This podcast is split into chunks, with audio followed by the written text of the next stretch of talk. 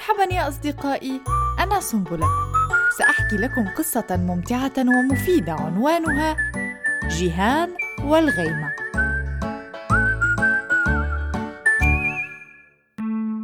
أنا جيهان وأنا في السادسة من عمري. أعيش مع أمي وأبي في المدينة. أنا هنا لأخبركم عن أمر غريب يحصل معي. عن شيء مزعج يضايقني. عن غيمة رمادية تلاحقني في معظم فترات النهار والليل. ما رأيكم لو ترافقونني وتتعرفون عليها؟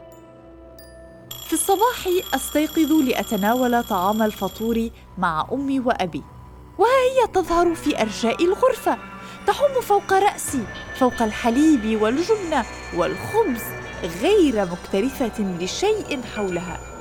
أودع أمي وأخرج مع أبي فتتلاشى تلك الغيمة الرمادية ببطء فأتنفس الصعداء وكأن هما وانزاح عن كتفي إلا أنني عندما أصعد في السيارة مع أبي سرعان ما تعود وتظهر بقوة من جديد.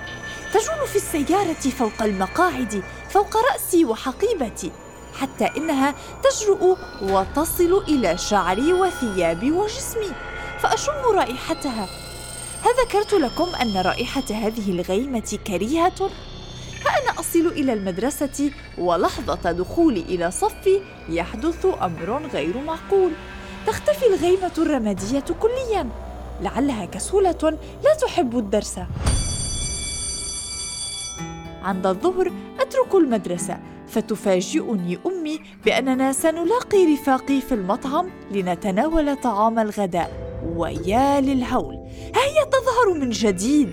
تجول في المطعم فوق الطاولات وفوق رؤوس الأطفال. فقلت في نفسي ربما أحست بالجوع فجاءت لتتناول الطعام معنا. أفتح الشباك المجاور لطاولتنا لكن من دون جدوى. فهذا الأمر لا ينفع. يخف لونها الرمادي لكنها لا تختفي. بعد الغداء ننتقل إلى الحديقة حيث نلعب بالطابة مع بعضنا البعض. ها هي تفاجئني من جديد.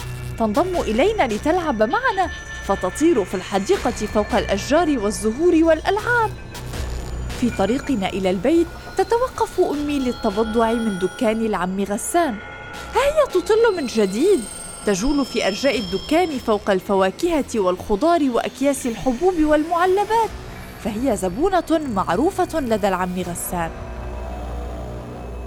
لم أعد أحتمل. قررت أن أتحدث مع رفيقتي غنوة عن مشكلتي مع هذه الغيمة. وكم كانت مفاجأتي كبيرة عندما اكتشفت أن غنوة أيضا تعاني من المشكلة نفسها. الغيمة أيضا تلاحقها. الغيمة أيضا تضايقها حتى أنها تسبب لها ضيقا في التنفس. عند المساء وبينما كنت جالسة أقرأ قصتي على شرفة المنزل إذ بالغيمة الرمادية تتسلل وتفاجئني من جديد لتقف فوق رأسي عندئذ سألتها بغضب هل أنت شبح أم أنت جنية؟ من أنت؟ من أين جئت؟ لماذا تلحقين بي؟ أجابت الغيمة أنا دخان السيجارة والنرجيلة أتنقل بين البيوت والمطاعم والحدائق والسيارات والدكاكين والمحلات التجارية. قلت أنت تزعجينني برائحتك الكريهة ترافقينني في كل مكان. فأجابت أنا آسفة. وجودك مضر لي ولغيري قلت لها. فأجابت الغيمة الأمر لا يعود لي الأمر يعود للكبار. جلست أفكر بوجودها في البيت في السيارة في المطعم في الحديقة والمحلات. كيف أتخلص من هذه الغيمة الرمادية؟ كيف أتخلص من الدخان؟ جلست أفكر طويلا في طريقة للتخلص منها. آه وجدتها. سوف أطلب مساعدة رفاقي. سوف أعقد اجتماعا طارئا لهم في بيتي. وفي اليوم التالي وصل الجميع إلى بيتي وجلسنا نتحدث عن المشكلة ونقترح طرقا للتخلص من الدخان الذي يضر بصحتنا ويزعجنا برائحته الكريهة. كل واحد أعطى اقتراحا. مها تريد أن تسحب علب الدخان من منازل أهالينا وتدفنها في الحديقة.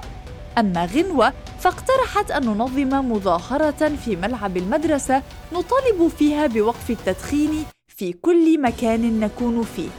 طارق اقترح أن نكتب رسالة لرئيس الجمهورية نطلب منه أن يمنع الناس من التدخين بوجودنا. أما أنا فاقترحت أن نصمم لافتات مزينة بالرسومات والألوان ننشرها ونعلقها في كل مكان نذهب إليه. نكتب عليها الرجاء عدم التدخين هنا أو التدخين مضر لي ولك رجاء لا تدخن. وأنتم هل لديكم حل آخر؟ قرأنا لكم في بودكاست سنبلة قصة جيهان والغيمة تأليف رولا شامل حص ورانيا سليم الحاج. صادرة عن دار النديم للطباعة والنشر. قراءة سارة خازم وإخراج حسين حجازي.